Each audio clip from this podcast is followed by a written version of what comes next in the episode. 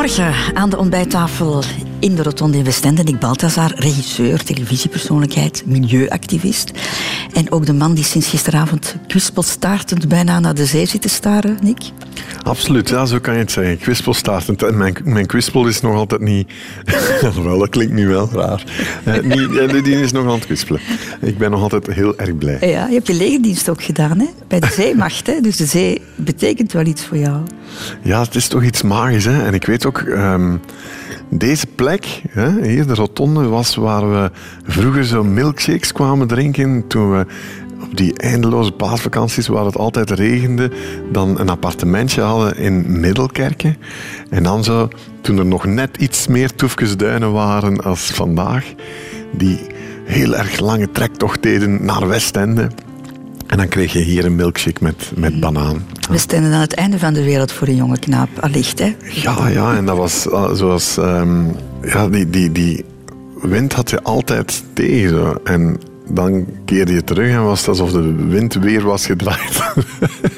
je had nooit meewind aan de zee. Ik hoop dat jouw leven beter verlopen is. Ja, ja vandaag alleen meewind. Kijk, hoe zien wij nu zit. Radio 2. De Rotonde met Christel van Dijk. Nick Balthazar, de rotonde van jouw leven, met alle afslagen die jij daarop genomen hebt. Zullen we die vandaag eens even afwandelen, reconstrueren? Ik ben heel erg benieuwd. Zeg. Je bent de 50 voorbij ondertussen. De helft, hè? Kan je al een soort van tussentijdse balans maken? ik heb ooit zo'n programma gemaakt, hè, Dood doet leven, waar ik... Um, ja, ik was cultuurjournalist en als regisseur bijvoorbeeld... Um, mochten we over veel mensen niks maken totdat ze dood waren. En dan zeiden we ook van, kijk, voilà, als je leven nu zou stoppen, zou het goed geweest zijn. En die mentale oefening ben ik altijd wel een beetje blijven maken. Zo. Uh, je weet wel, vaak mensen doen dat als ze, als ze een vliegtuig nemen. Van, ah, als ik nu neerstort, is dat goed genoeg geweest.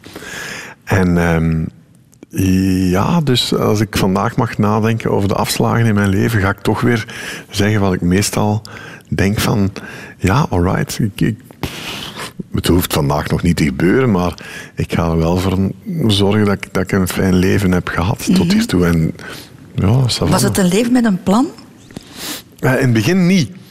De regisseur Jim Jarmusch was een grote held van mij, die mij ooit in een interview dat ik nog toen met hem in Parijs, dat was een van mijn grote eerste interviews, zei, toen ik hem ook vroeg van, maakt u plannen en wat is uw volgende plan? En zei nee, because if you don't know where you're going, it's a lot harder to get lost. Dat is ook een fantastisch idee. zolang dat je niet ergens naartoe moet, absoluut, ja, heb je geen probleem als je er eventueel niet bent geraakt.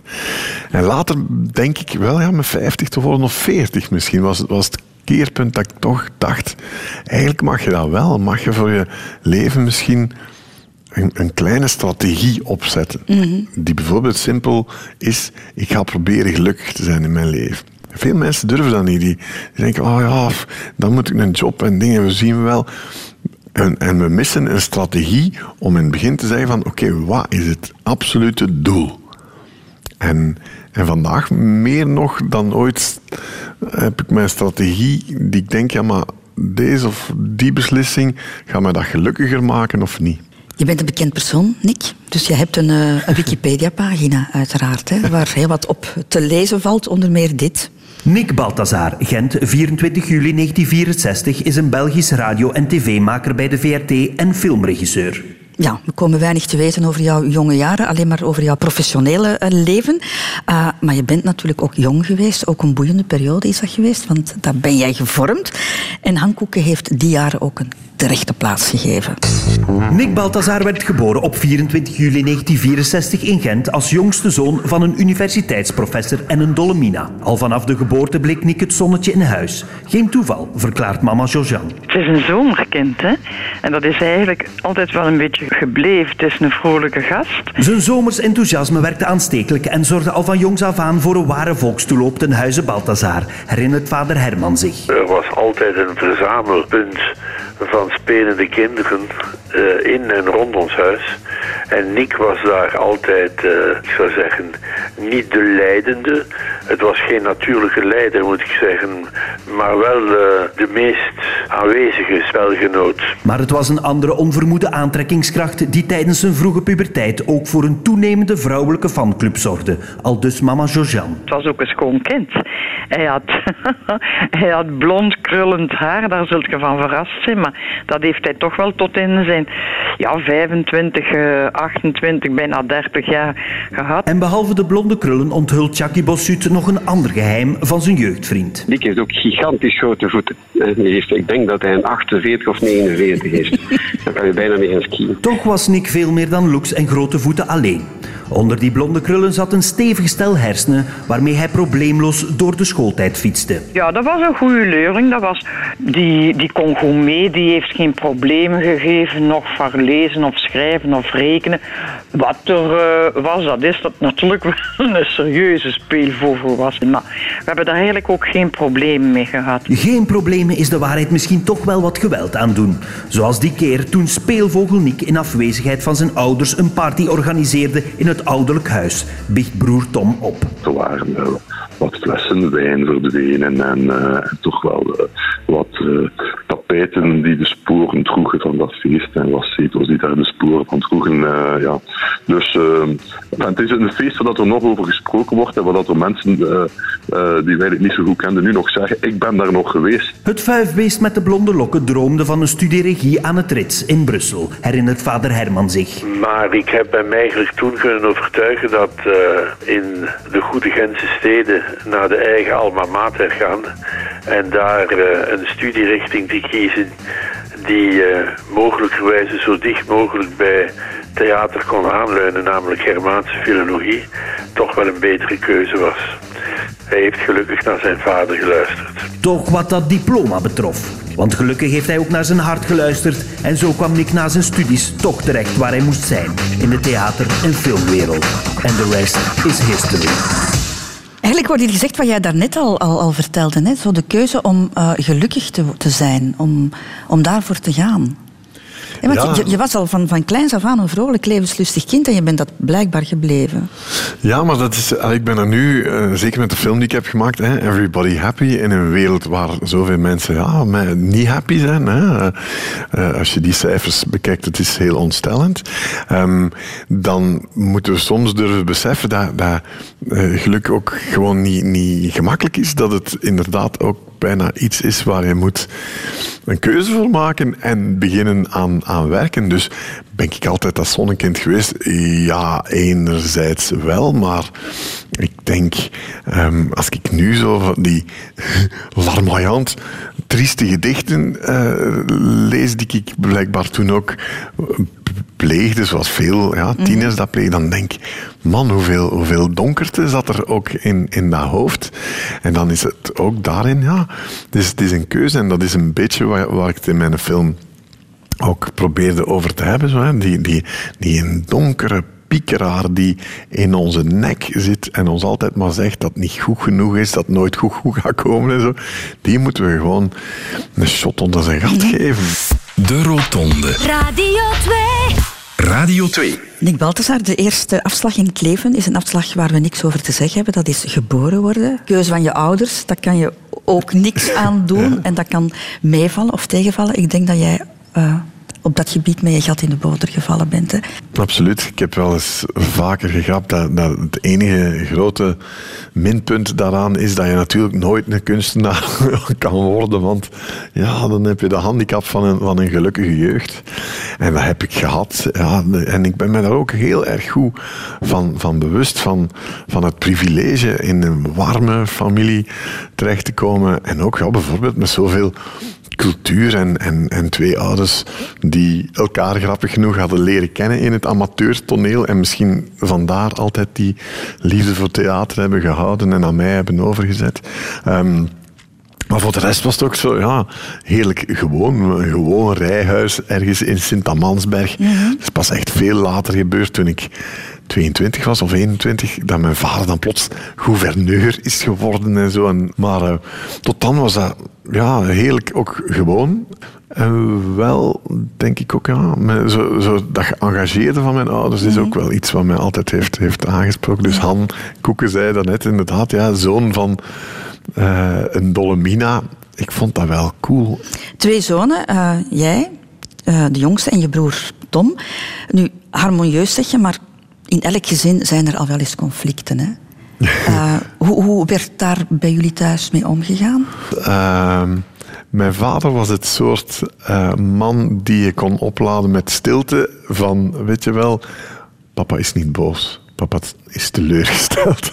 En dus ja, zij waren 68 jaar eigenlijk. Pas on, ah ja, misschien 68 jaar van de Aldi. eh, zo, in zoverre als het in Parijs was begonnen, eh, dan, dan druppelde dat wel bij, bij ons zo die, die andere manier van bijvoorbeeld een opvoeding eh, te geven aan kinderen. Maar toch, ja, ik kreeg dan die anti-autoritaire opvoeding, waarbij dat je geen lappen kreeg rond je kop, maar toch soms bijvoorbeeld als papa teleurgesteld was, dat je die, dat je die zware stilte eh, mm, eh, soms moest torsen. En dat drukt dan nog meer dan, Ja, dan een, weten, dan een mot is- rond, rond de oren, denk ik. Maar een anti-autoritaire opvoeding, dan moet je ook veel praten, allicht. Heb jij daar leren praten over jouw emoties?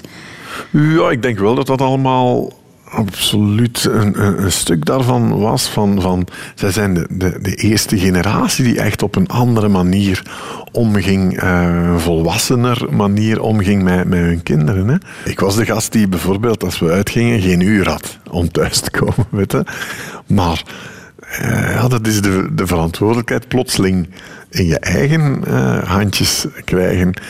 Wat uiteindelijk altijd een veel beter idee eh, zal zijn. Maar het is natuurlijk ergens wel makkelijker om te kunnen voeteren en zeggen: oh, die tanteouders eh maken dat ik om één uur moet thuis zijn. Bij mij was het hmm, elke keer eh, kijken van. ja, ik zal tot de laatste blijven. Ik ben op die manier wel natuurlijk, vrees ik, opgeladen met dat vreselijke, want die vreselijke opdracht dat ik elk feestje moet sluiten en elke horecazaak moet zien af te sluiten. Maar heb je dat dan niet gemist op een bepaald moment om te rebelleren, om je af te zetten? Ja. Want dat, is toch, dat maakt toch ook een deel Ja, uit de van het, van het groot worden? Dat is waar. Ja, ik denk dat misschien mijn, mijn, mijn enige ehm, eerste rebellie dan, dan was misschien dat, dat ik zo van een rode wijn, want dat was een rood nest waar dat wij zaten, dat ik een groene ben geworden. en dat ik zo ja, probeerde al vroeg uit te leggen van ja, kijk, jullie hebben die revolutie eh, doen slagen. Hè. Dat is fantastisch dat wij ja, sociale verworvenheden hebben voor iedereen. En zo. Maar de, de volgende revolutie zal de ecologische revolutie moeten zijn. We gaan op een andere manier moeten omgaan. Niet enkel met, met de planeet, maar ook met de manier waarop dat wij onze tijd hier op aarde eh, meemaakt. We weten gewoon, laat ons die aangenamer maken. Dat is een brave vorm van rebellie. Hè? Ja, maar ik was, ik was een brave stuiter, zo, hè. of een stuiten brave. Maar het feit dat je zo vrij opgevoed werd, had je dan op andere plekken last van autoriteit? Goh, ja, Op school bijvoorbeeld? Nee, ik vrees dat wat dat betreft ook zo de, de, de vreselijke verhalen eh, of, of tragedies wat uitblijven. Ik, ik had overal... Ik was niet zo goed in wetenschappen, maar er was ene wet uit de fysica die ik ongelooflijk goed had begrepen. Dat was de wet van de minste weerstand. Hoe dat je dan zo kon gaan van... Hey, eh, beginnen met wat Latijn-Grieks, dan eh, konden we dat Grieks wat minder doen, dan dat Latijn halveren, dan een beetje... Allee, dat was... Waardoor, ja, dat, dat, dat je het voor jezelf wat makkelijker maakt. Hè. En, eh, ja. Geen drama's. Ik vrees, Christel, zo drama's niet. eh, dat kan ik u deze ochtend niet leveren. Radio Radio 2. Over de afslagen van het leven. De Rotonde. Nick Balthazar, jouw ouders stonden allebei in het onderwijs. Jouw vader gaf eh, les aan de universiteit, je mama eh, lagere school.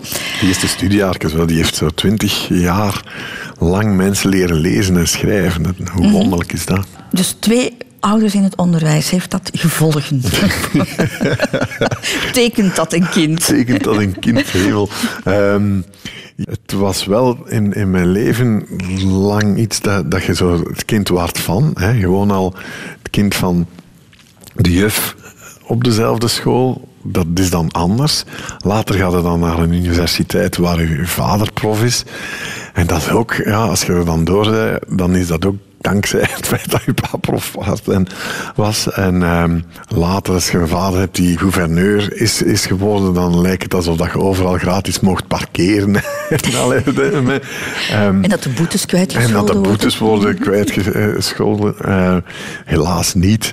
Dus dat is misschien het enige zo, dat je... Dat je lang eh, zo, ja, eh, zoon van, eh, dan broer van, nu ben ik man van ook. En gelukkig dan maar dacht ik dat ik zo een eigen pad had weten te bewandelen waar dat je een naam moest maken. Maar het was niet dat jij ehm, bent opgevoed met het idee plus est en vous. Dus streven naar het beste, naar, naar, naar, naar succes in, in, in resultaten. Ja, nee, uitgerekend die zin plus et en vous was wel eh, een van de doodsla-uitspraken van mijn vader, die, die wat dat betreft, en dat is zo interessant, hè, eh, ook met mijn film Everybody Happy ben ik daar ongelooflijk mee bezig geweest met zo perfectionisme, wat wij op de beste manier, met de beste bedoelingen aan ons kinderen geven. Hè. Meer, probeer toch hoger te mikken en zo.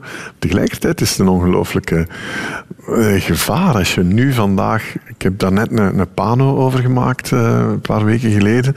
Ehm, als je ziet dat 60% van onze kinderen zeggen... We kunnen aan die hoge verwachtingen niet voldoen.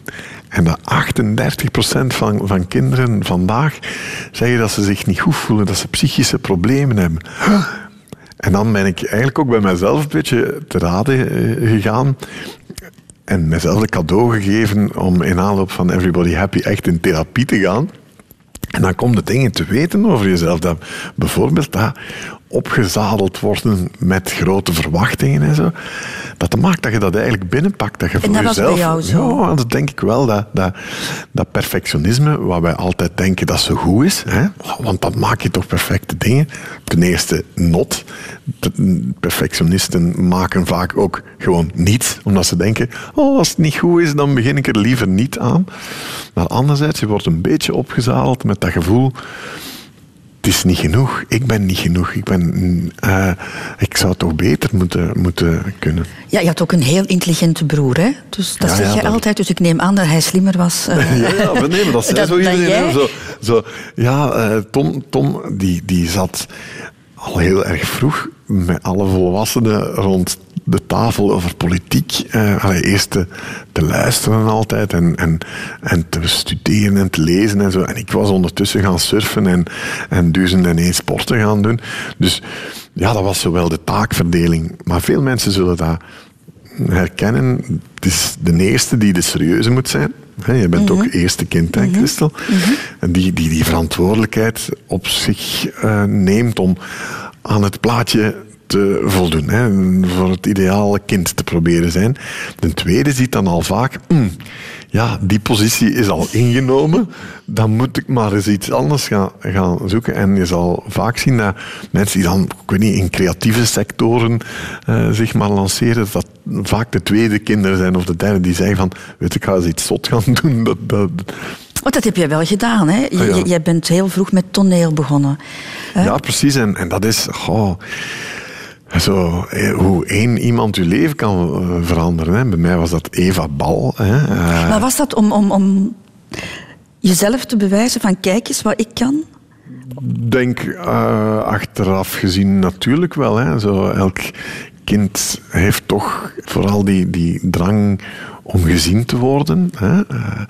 Applaus te krijgen. En waar krijg je dat meer letterlijk dan op, op een toneel? Ehm, En voor wie, van wie wou jij applaus krijgen? Van, van jouw vader? Van eh, jouw mo- moeder? Op het einde van de dag is dat altijd van uw vader en uw moeder dat je dat wilt krijgen. En, en dat je altijd denkt dat je dat te weinig hebt gekregen, totdat je dan nu hoort van, nou ja, tja, die dachten dat over, over mij. Eh, ehm, dus ja, ik denk dat bij mij zeer zeker een, een soort vadercomplex van, ah papa, is het goed genoeg eh, dat dat heel lang heeft ge- gespeeld. En, en dat je daar in een zekere zin ook nooit van afgeraakt, omdat je dat interioriseert. Dat is dat, manneke waar ik het over heb in, in Everybody Happy. Dat, de Duitsers noemen hem de innere Schweinhund, de innerlijke klootzak. De, dat, dat manneke die op je nek weegt en zegt dat niet goed genoeg is, dat komt ergens vandaan. En bijvoorbeeld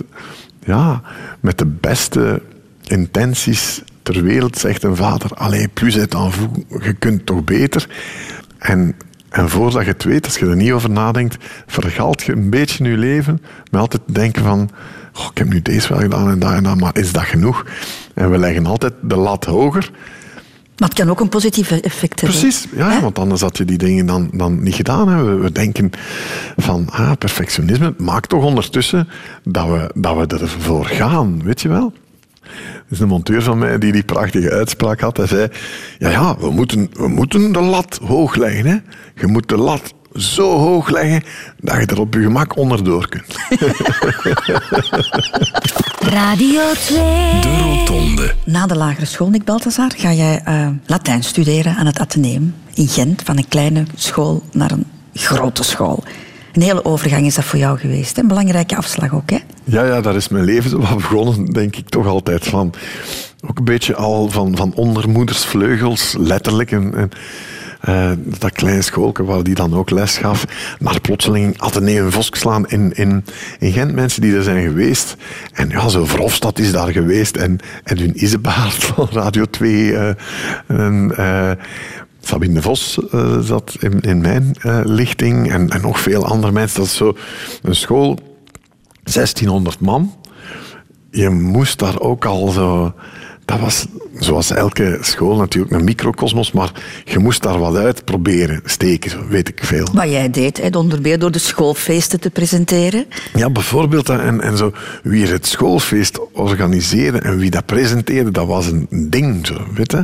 Eh, omdat, bijvoorbeeld, ja, Edwin Isebaard had het dan gedaan en was later ook al meteen radiomaker geworden. En zo tussen degene die dat na hem ging doen, ging ook al een carrière in de media hebben of zo. Ehm, en ik weet nog, mijn broer was dan bijvoorbeeld voorzitter van de leerlingenraad geweest. Het, toen al een politieker. En ja, ik dacht van, oké, dan moet ik boven... Ik ga en voorzitter worden van de leerlingenraad en schoolfeest presenteren. Dom, maar, maar tegelijkertijd, ik heb daar wel... Ja, de, die klas waar ik mee eh, ja, ben afgestudeerd eigenlijk ook. Dat is zo magisch. Dat zijn nog altijd echt mijn beste vrienden. We zijn zo samengebleven en de ene legt nu tapijten en een andere zit in de verpakkingsindustrie en nog een in de kleren. En, maar elke nieuwjaar zitten we weer samen en zeggen we... En wij nu nog altijd geen andere vrienden kunnen vinden. Heb je daar de keuze gemaakt van ik ga iets creatiefs doen met mijn leven? Misschien wel, maar dat, dat kwam ja, door, door... Ik was tegelijkertijd zo wat theater beginnen uh, spelen. Ik denk met meer puur enthousiasme dan, dan talent. Um, ik heb altijd geweten dat ik zo... Ik zou een goede middelmatige slechte acteur kunnen worden. Zo. Uh, en, um, dus toneelschool, dat was al vooraf ja, afgeschreven, dat ga ik, ik niet doen. Ik wist het zo. Uh, het grappige is, mijn, mijn dochter, en daarom maak je kinderen om je eigen uh, ambities in het leven die je niet hebt durven doen, dan toch uh, voor je op te knappen. Zij is wel nu in dat eerste jaar drama binnengestapt. En um, ik wist van mezelf toen van, goh, ik ga dat met mijn groot bakjes misschien wel binnengeraken. Gewoon omdat ik van mijn twaalf jaar af op podia altijd heb mm -hmm. gestaan. Tot waanzinnig genoeg. Ik kan het nog altijd niet geloven, maar we hebben nooit op Broadway gestaan. Ik was 14. En dat was een totaal debakkel, want ik had toen de baard in de keel. En net voordat we opgingen, is mijn partner, mijn Amerikaanse partner, waar je zo'n rock'n'roll dansje mee moest doen, in zwijm gevallen. Dus uiteindelijk heb Toen ik daar gestaan. in zwijm voor nee, jou. niet voor mij, niet voor mij. Nee, nee, maar zij wist ook zo. Zij waren echt als het ware de voorgeborgten van de Fame School. En die konden dus ja, zingen, octaven omhoog en naar beneden en, en pirouettes draaien die niet stopten. Maar zij zei, I'm on Broadway, I'm gonna be on Broadway. En die viel ongeveer naast mij, bam, neer. En nu hadden ze mij al gezegd, hoe pijnlijk was dat, dat ik eigenlijk beter zou lippen. En daar heb ik dus gestaan op Broadway een spook in mijn handen, een rock'n'roll dansje aan het uitvoeren zonder partner, terwijl ik was aan het lippen. Toen dacht ik, oké, deze is mijn hoogte- en laagtepunt tegelijkertijd. Uh, en, en alleen een straffe acteur was er uit mij.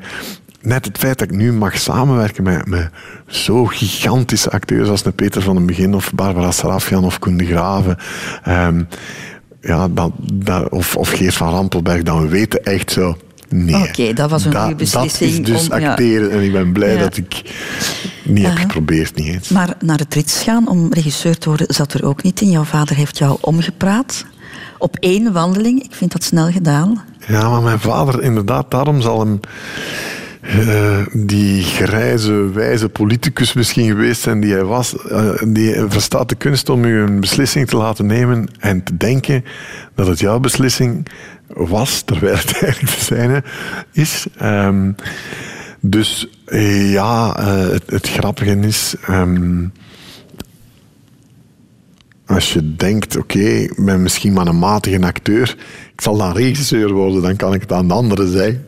En eh, voordat je het weet, eh doe je dat ook niet. En ja, ga je naar Tunif, Germaanse, wat behoorlijk saai was op zichzelf, maar het, het was wel ja, eh, de manier om veel dingen daarnaast te doen. En dan ben ik dus geworden ja, recensent, degene aan, aan de andere kant. Je hebt eh, Engels-Zweeds gestudeerd aan de, aan Ja, de universiteit. dat- ja.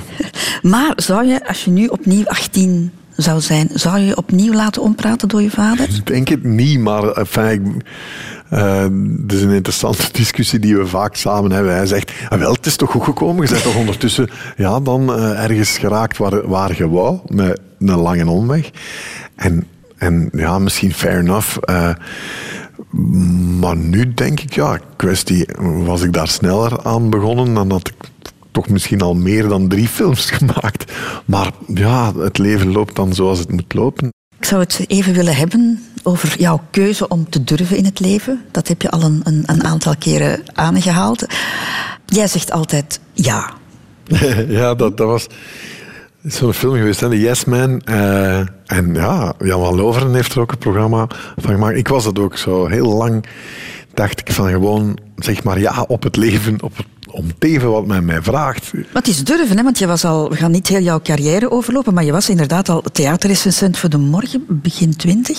Later voor Radio 1, dan krijg je de kans om iets voor film te doen op radio, iets waar je helemaal niks van kende en jij zegt, ik doe dat.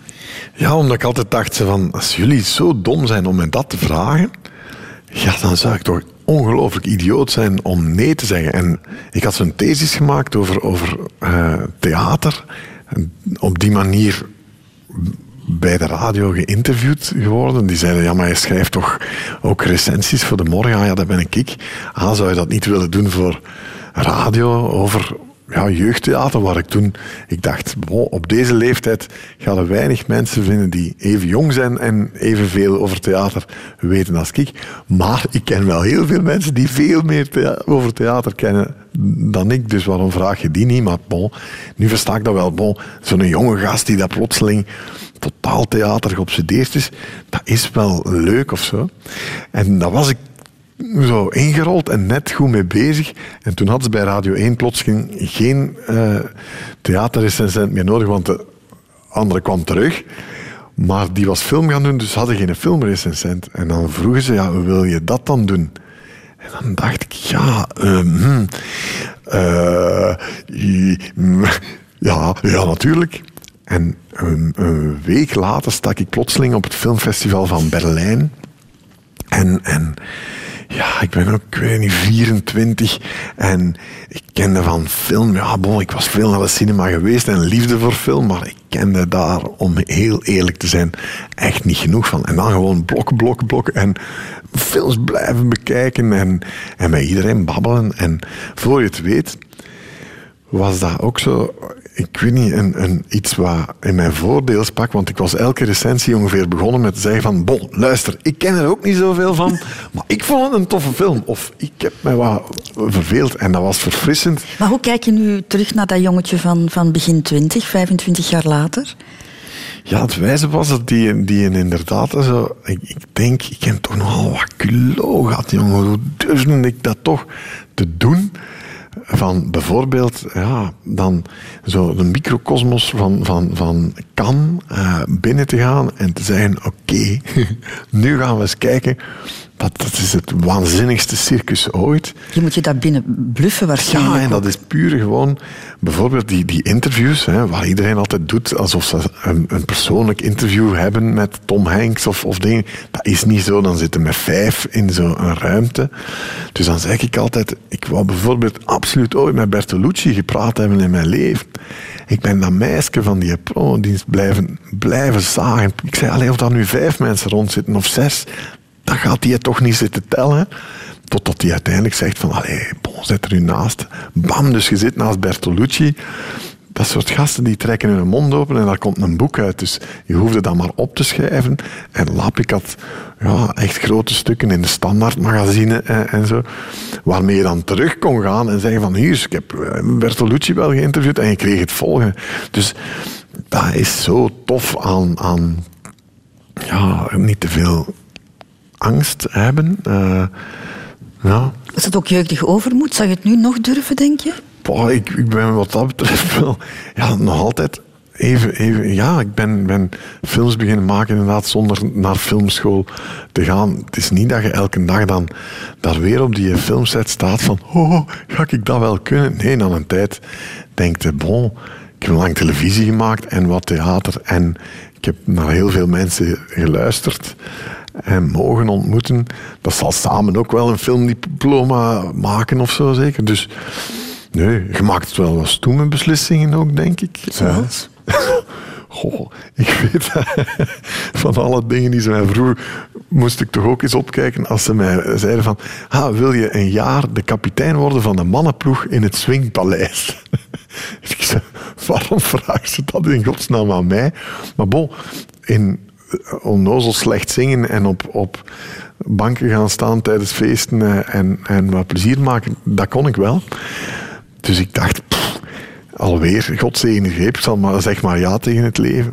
Daar hadden echt wel al mijn vrienden gezegd van, doe dat nu even niet, wat staat je daar te doen, man? Heel uw geloofwaardigheid, je bent canvasfiguur ondertussen, je bent zo cultureel verantwoord, erfgoed geworden. Iedereen was mij altijd maar filmkenner aan het noemen tegen die een tijd, terwijl ik altijd maar zei, nee, maar dat ben ik niet. En dat was bijvoorbeeld ja, carrièregewijs, denk ik wel, heel erg stoem. Maar ik had nog altijd iets van, echt, ik mag hier met Zora dansen en, en, en champagne drinken. En, en wie mag dat in zijn leven? Kijk. Het past toch wel in jouw leven, even buiten de lijntjes kleuren? Tuurlijk, en ik kende zoveel mensen die, die bijvoorbeeld ja, allee, ernstige en goede kunstenaars waren, maar, maar ook de laatste waren om mee het feest af te sluiten en Lasciate mi cantare te staan zingen onder, onder de sterrenhemel in Avignon of zo. Ik dacht, waarom zou het een het ander in, in de weg moeten staan? De Rotonde. Nick Balthasar, we hebben het daar net al over gehad. Je bent uh, opgegroeid in een intellectueel milieu, veel cultuur, veel theater. Dat heeft jou een voorsprong gegeven in het leven, zo heb je dat net ook verteld. Maar jouw ouders waren daarbij ook zeer geëngageerde mensen. Ja, het grappige, we hadden het daarnet, dat, dat mijn moeder Dolomina was. Enkel al dat, dat woord is toch heerlijk, zo de eerste suffragettes. Zo vrouwen die hun BH verbranden ja, dan, dat heeft ze nog net niet gedaan, maar toch okselhaar laten staan en zo. Dat zo ver ging die toch nog wel. En uh, je weet soms niet meer of men het jou heeft verteld of dat je het echt nog weet.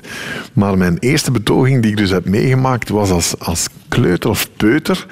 Toen mijn moeder was aan het protesteren uh, om crashes te hebben. En we denken nu al vaak zo dat dat zo normaal is dat moeders mogen gaan werken en mogen ja, kinderen in de opvang steken en zo. Maar amper één generatie geleden was dat dus een strijdpunt. Mm -hmm. En dit is dankzij mijn moeder, hè, dames, dat jullie dat nu mogen doen. Want dus, zij hadden een, een actie waarbij dat ze een crash die gesloten was en moest gesloten blijven, dat ze die hebben geopend. En het actiemiddel was dat er al kleuters in de zandbak zaten.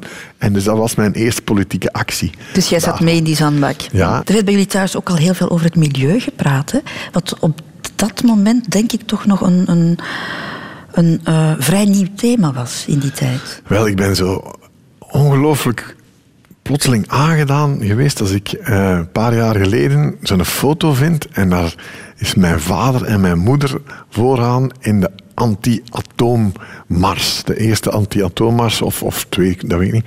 Die mijn vader ook mee had georganiseerd. Toen al tegen ja, atoomwapens en, en zo. En dan denk je, ja, bon, dat zal dan toch ergens wel in je DNA kruipen. Dat je dat besef hebt, zo van, dat, dat de dingen niet zomaar komen. eh, dat je voor, voor zaken soms moet gaan strijden en gewoon op straat komen en zeggen dat we dat willen. Maar bij jou zat het er al heel vroeg in, want we hebben jouw vader gebeld en die vertelde toch dat jij meer nog dan je broer gevoelig was voor dat thema. Ik heb vooral, ja, zo mijn, mijn eh, ecologische réveil kwam met, denk ik, mijn allereerste echt grote televisieprogramma. En dat was ik ook. Ik had ook nog wat toefjes haar. Dus ik, zo kan ik altijd een beetje zoals dat je een boom kunt dateren aan de ringen. kan ik dat? mezelf dateren aan, Aan het aantal haren. hoe- hoeveel schamele plukken haren er nog stonden op mijn kale kanus.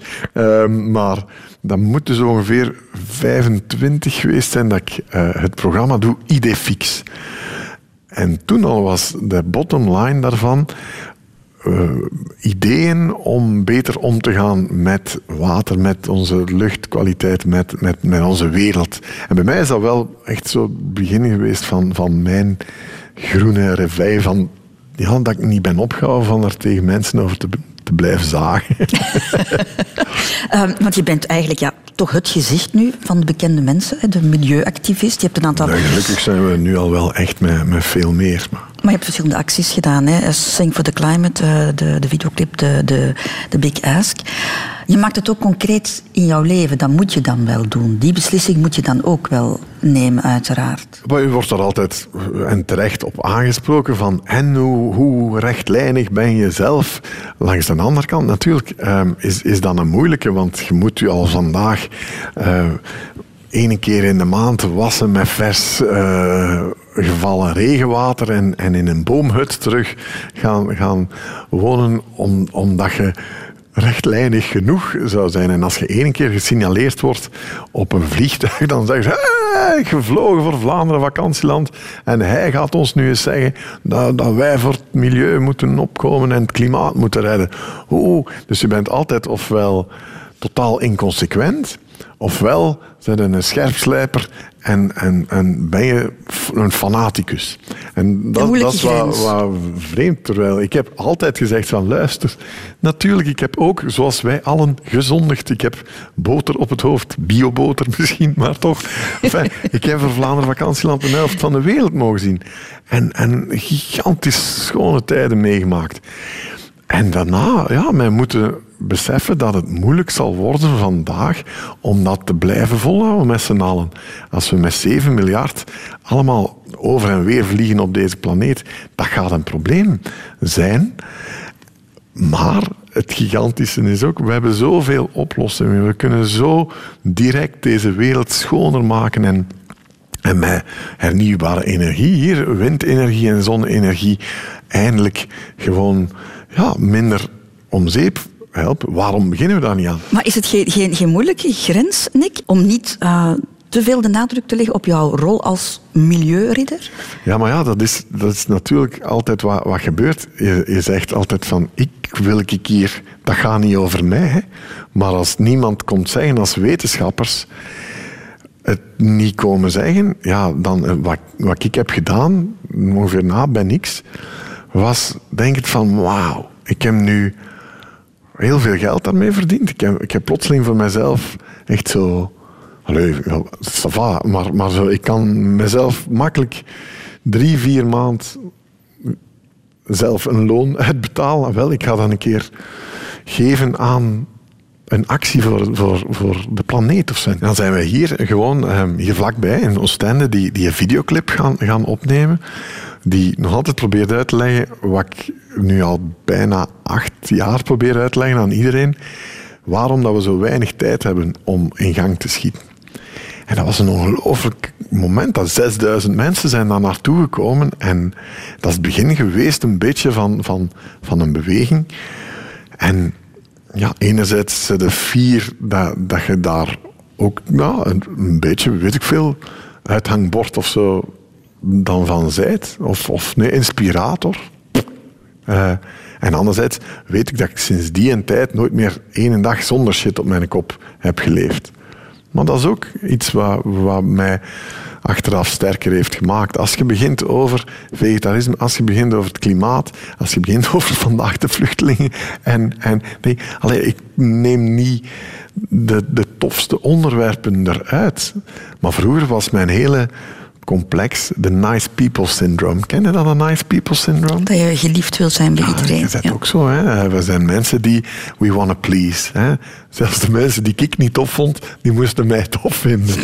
En dat is geen, dat is geen rustige manier om door het leven te gaan. Vandaag weet ik veel beter. Ja, als je mij wil veroordelen omwille van het feit dat ik probeer voor mijn kinderen puur eigenlijk dus ja, egoïstisch te denken van deze planeet moet het houden. Ja, ja veroordeel mij dan. Uh, maar ja, dat, dat zal er mij niet van tegenhouden. De liefde. En Nick Balthazar kan een vrij lang hoofdstuk worden. Vermoed ik. De official version of the... Je hebt vrij lang gewacht om, om, om jou te binden aan iemand?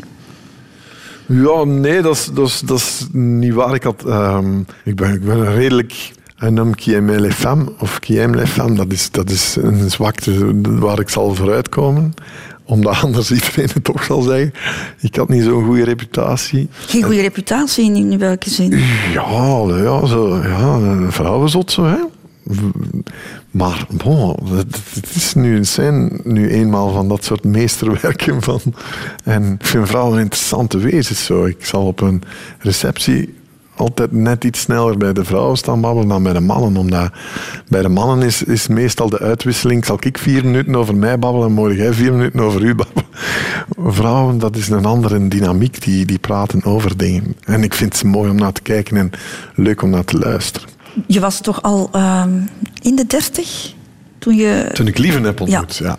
Uh, ik heb wel ook grote, mooie liefdes uh, gehad, maar toch is wel... Ja, dat was toch een magisch moment, in zoverre dat ook Lieve... Uh, ja, redelijk veel van de wereld had gezien, laten we zeggen. En ik. Dus dat we zo niet als onbeschreven bladeren naar elkaar toe zijn komen waaien, eerder als al wat beduimelde boekjes met flink wat in. En toch was, ja, was dat een totaal keerpunt. In welke zin? Ik zal je het, het is toch een romantisch verhaal, zo, hoe, we, hoe we samen zijn gekomen. Ik was namelijk al heel erg lang fan van haar, van haar foto's. Maar echt zo, die fotografeerde toen voor knak. En ik weet nog dat ik kon met een mm, percentage van, van uh, falen van amper 10 of 20 procent, dat kon zeggen of een foto van haar was of niet. En op een gegeven moment gaat dus de telefoon en een blonde stem aan de andere kant zegt: Hallo, lieve Blankaart, fotograaf, ik moet u komen fotograferen. En ik dacht: Oh, fuck, it's her. En ja, zo van Love at the First Bite, dat was toch echt wel een beetje aan de hand. Ik was zo van mijn sokken van die vrouw. En, uh, en gelukkig hoorde ik dan van, van de redactie daar dat, dat ik ook een goede indruk had gemaakt. Ik had echt ook wel zo mijn best gedaan. Uh, en, en ja, dan heeft dat even geduurd, want ja, dat kon niet en mocht niet enzovoort. Maar, uh, maar vanaf dat jullie een koppel waren, zijn jullie heel snel gaan samenwonen, hè? Ja, dat, dat was eigenlijk ook ja, romantisch. Dat, dat is zo... Toen dat plotseling wel mocht, is, is het een leuk verhaal dat Thomas Siffer had ons uitgenodigd. Per toeval allebei voor een feestje bij hem. En dat dan niet doorging en die belt naar mij. Het gaat niet door. Ik zei, zal ik wel bellen naar Lieve? En uh, ik zei, ja, Lieve, het gaat niet door. Maar vermits je misschien toch nog geen plannen hebt, kan je, mm, kunnen we samen iets gaan eten? Ah ja, ça va. Ik zeg, overigens, dat is, dat is nu morgen, maar ik heb nu al gekookt. Uh, tongskes. Uh, ik geen goesting om nu al iets te komen eten. En toen zei ze de ondertussen historische woorden. Ja, ik heb al gegeten, maar ik zal een tongske komen draaien. en dat heeft hij gedaan. En dat hebben we dan inderdaad ook binnen de vijf minuten ja, werktuigelijk gedaan, dat tongske gedraaid. En de volgende dag was mij dat duidelijk dat, ik me niet kon voorstellen waarom dat wij nog een nacht niet samen zouden slapen. Dus dan ben ik alles gaan kopen voor ze, ze heeft lenzen. En daarom moest ze dan terug naar huis. Ik, ben, ik, ging, ik zei, ik ken niks van lenzen, maar geef mij eens alles wat ik zou kunnen nodig hebben. En, eh, waardoor dat ik kon blijven slapen. En ja, dan is die eigenlijk altijd maar blijven slapen. En, ja. Jij voelde dat dus meteen van dit... Dat is, dus, ja, dat is, uh... Geen schrik voor die binding? Nee, nee, nee. nee. en, uh, nee, het was ook wel duidelijk dat we zo daaraan toe waren. Aan bijvoorbeeld ja, kinderen. En dan hebben we tegen elkaar gezegd, we gaan één jaar wachten, oké, okay, weten. En maar, lap, één jaar later exact is, is ons Marta geconcipeerd, geloof ik. We kunnen altijd zeggen hoe lang dat we samen zijn. Ah, onze dochter plus één jaar. En bewuste keuze niet gemaakt om te trouwen? Ja, dat, dat is een... Hebben we nog wat tijd? Het is nog, geen tien uur, maar... Ja, nee, het is wel een grappig verhaal. Ik heb het daar twee keer gevraagd. Want ik was niet zo voor trouwen. Ik vind trouwen... Ja, is het beste bewijs van wantrouwen, vond ik altijd zo. Want anders, waarom moeten daar mensen mee lastigvallen in kerken en stadhuizen met te zeggen van we houden van elkaar. Uh, dat had je toch niet nodig. Maar toch, ja, op een gegeven moment, de eerste keer waren we in Las Vegas en Lief is zwanger van, van ons eerste dochter.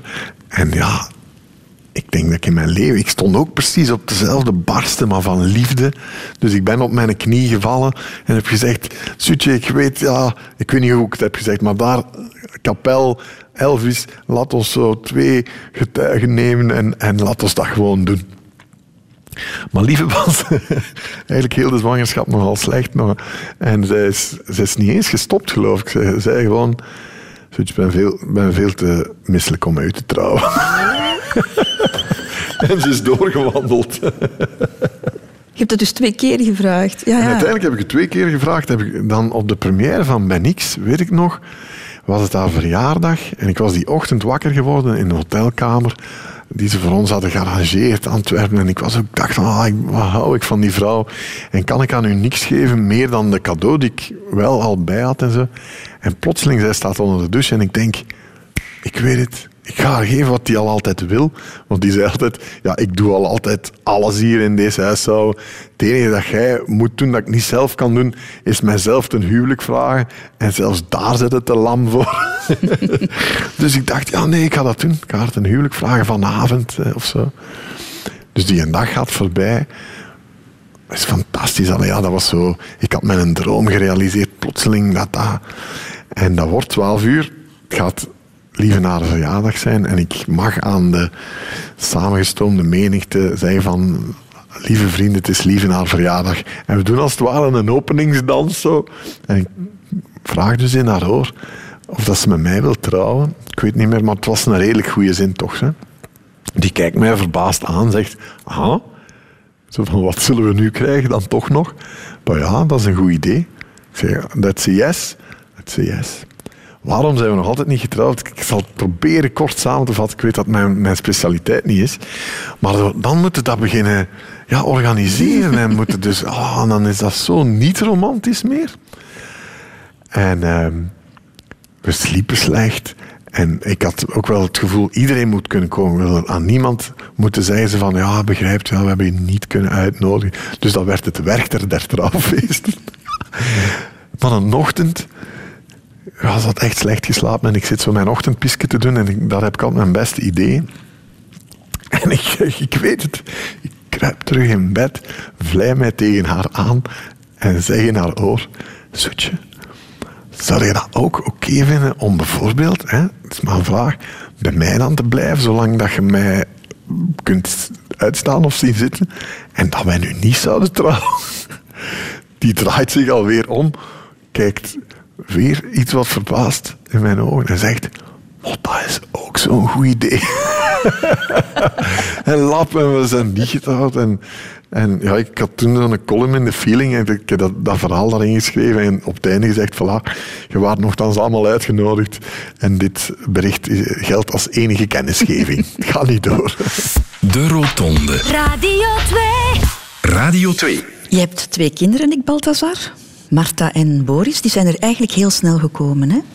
Jullie waren nog niet zo lang samen of jullie namen de beslissing... we gaan voor een kind.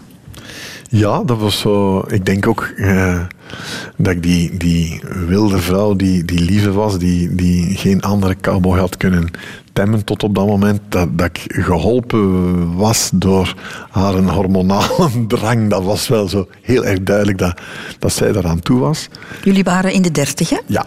En bij mij was het altijd wel zo geweest, als men mij vroeger vroeg, en wat wil je worden later, Nick of zo, zei ik, ja, dat weet ik niet zo goed, maar heel vroeg zei ik al van, wat ik graag zou worden is een goede vader. Dus, dus nee, ik vond dat ook een heel goed idee. Maar zij, is, zij heeft de eerste stap gezet en, en jij bent gevolgd. Ik denk dat zij gewoon op dat moment op zoek was, zo naar, zoals elke vrouw ja, is op zoek naar, naar, naar een vader zo, hè, voor die kinderen. Lieven is ook zo'n soort vrouw die dat dan zo zal zeggen ze van. ja, ik denk, oh, wie weet, stel, je weet niet wat er gebeurt, maar ik weet dat je altijd wel een goede vader zult, zult blijven voor mijn kind. En dat is ook, denk ik wel, zo dat ik ben een goede vader. Gewoon omdat dat eigenlijk niet zo'n moeilijke job is. Mhm. Als je kinderen heel erg veel te veel graag ziet en daar wat mee bezig bent, dan... Mhm, maar het is toch wel een nieuwe rol zoeken in het leven, hè? als je plots vader wordt. Ja, je kan daar niet, niet echt voor oefenen op een dag is dat kind daar en, en nee, moet jij je positie herzien. Nee, dat is waar. Ik, uh, allee, dus over ecologie kan ik redelijk zeggen, maar ook over vaderschap tegen jonge vaders moeten mij over bezig uh, losbranden. Want een vrouw, ja, dat, dat groeit letterlijk in haar. En bij mannen die zien dat niet komen of zo. Dus ik had echt wel alle boekjes over zwangerschappen, over, over pedagogie, over kinderen, over baby's, over hoe dat die geboren worden. En zo. Allemaal echt gelezen, ja. Dus jij was een halve dokter op dat gebied. Ja, omdat heel veel mensen zeggen, en ik begrijp dat ook wel, van ah nee, dat moet uit een buik komen. Haha, mijn vrouw komt dat al letterlijk uit haar buik, maar, maar uh, je, je, je, je zult dat wel voelen. En ik vind dat raar, want er zoveel mensen voor ons hebben dat gedaan, hebben ze fouten gemaakt en, en dan gevonden hoe dat moest. Alleen voor een mayonaise of een bearnaise kijken we al snel in, in een kookboek.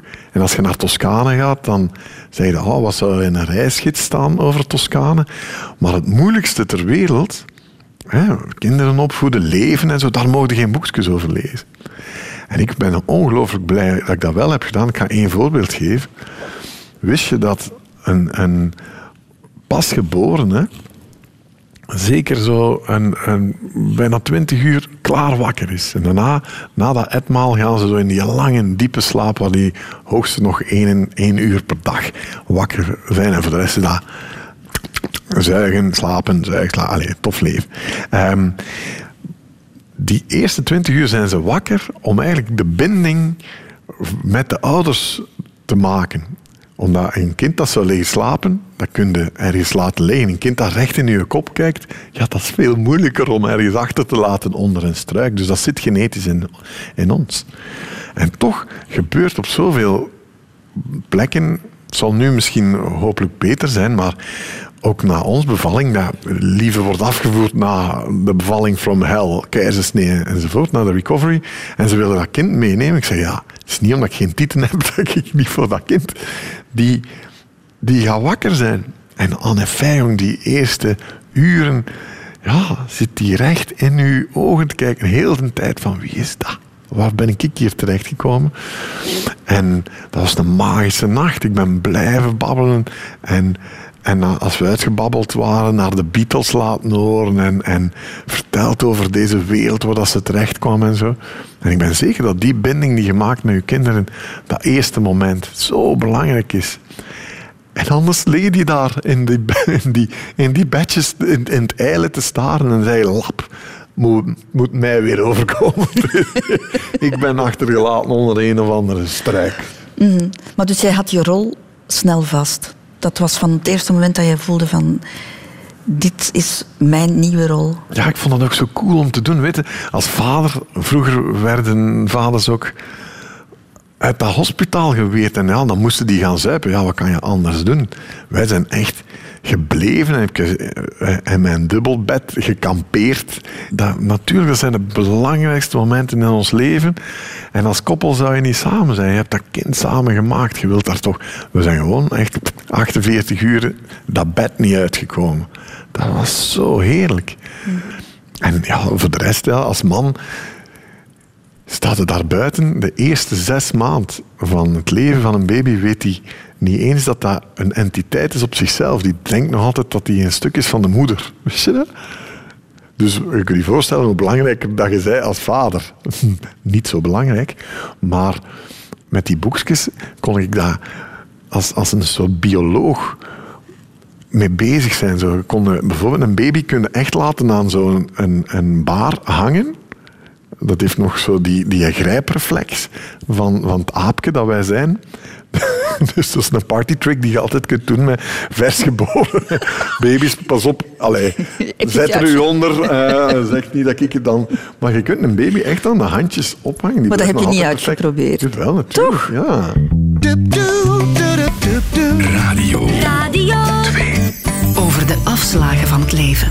De Rotonde. De allerlaatste afslag uh, van het leven is, uh, is de dood. Dood en leven liggen dikwijls heel dicht bij elkaar. Jij hebt dat meegemaakt, hè?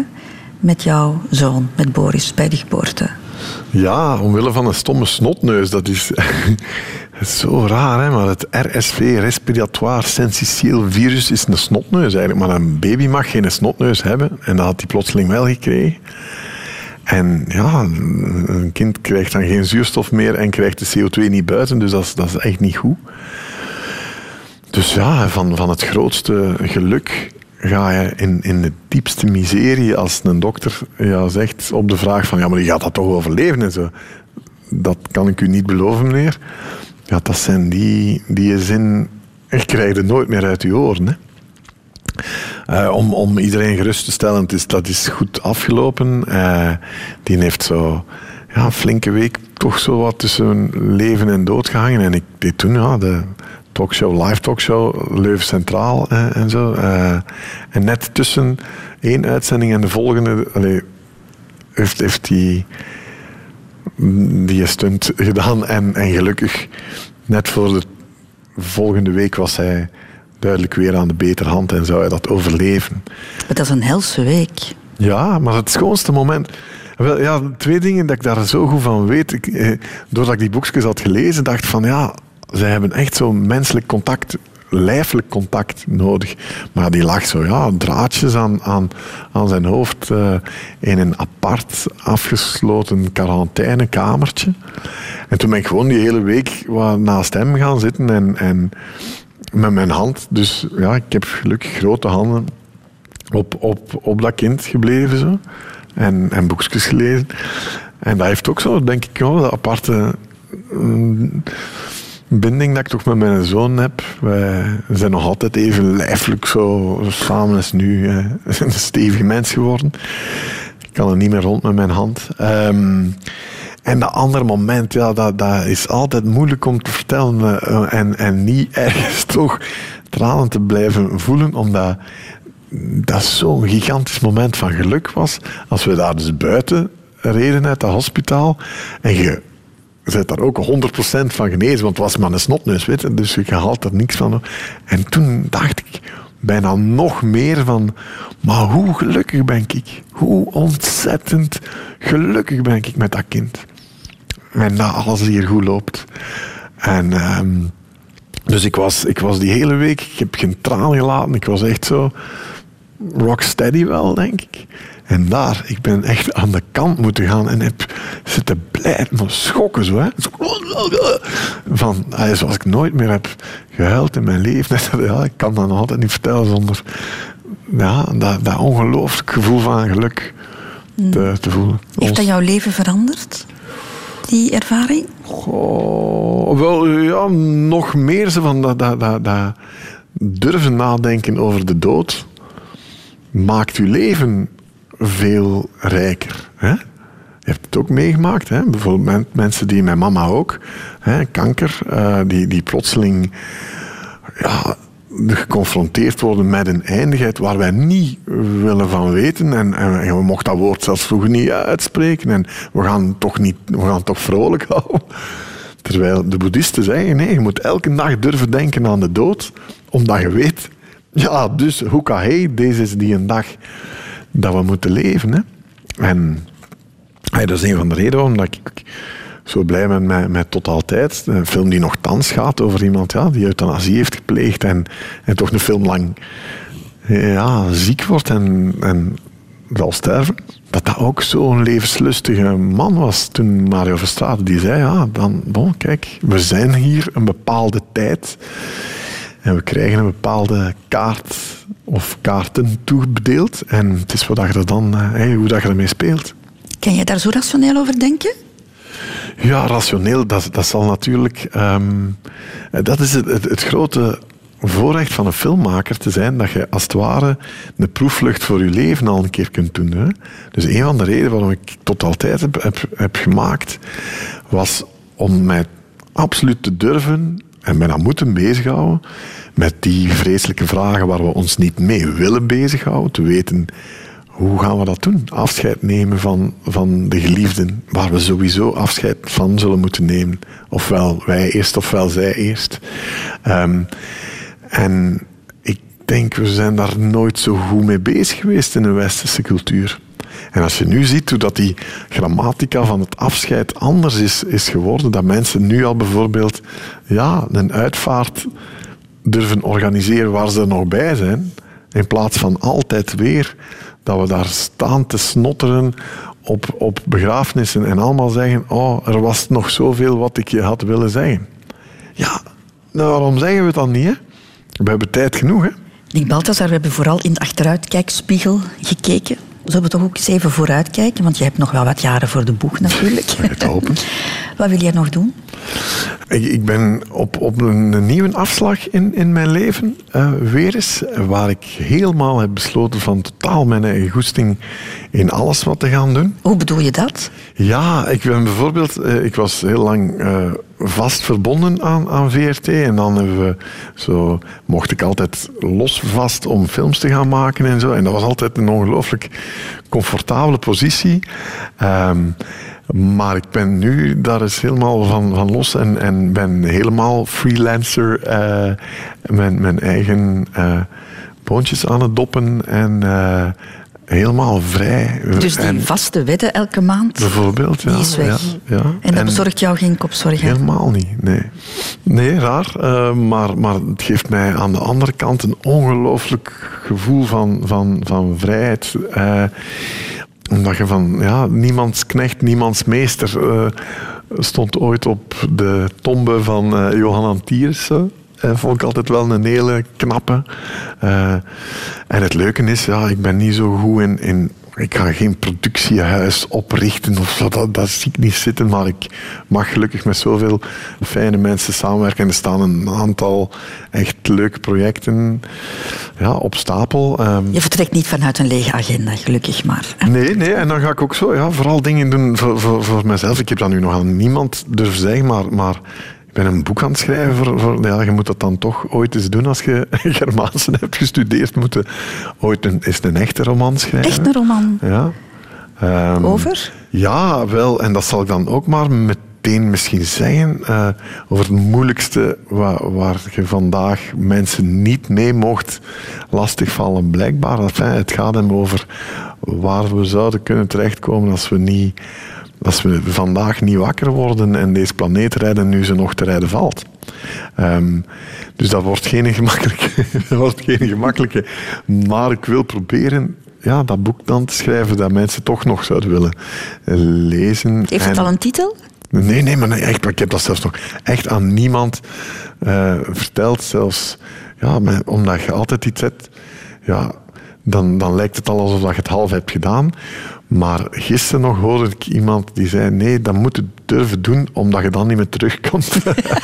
Dus vanaf nu... voilà, nu is het, de cat is out of the bag. Nick Valtensaert was heel fijn. Praten met jou, spraakwaterval. Ik heb niet veel moeten vragen. Sorry. ik, vroeger in de, in de radiostudio stonden mensen ook altijd gewoon dat teken te doen afronden. Afronden. Ik, maar dat was Ik heb nooit dat gevoel gehad dat ik jou moest Dankjewel, het was afronden, mij een plezier. En dan wil ik jou nog één ding vragen. Dat is mijn gastenboek invullen. Hè?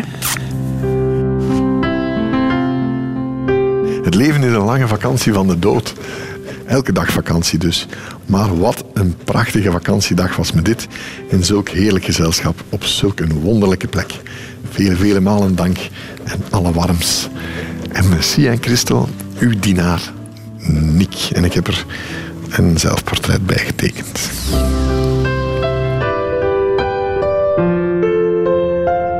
Radio 2.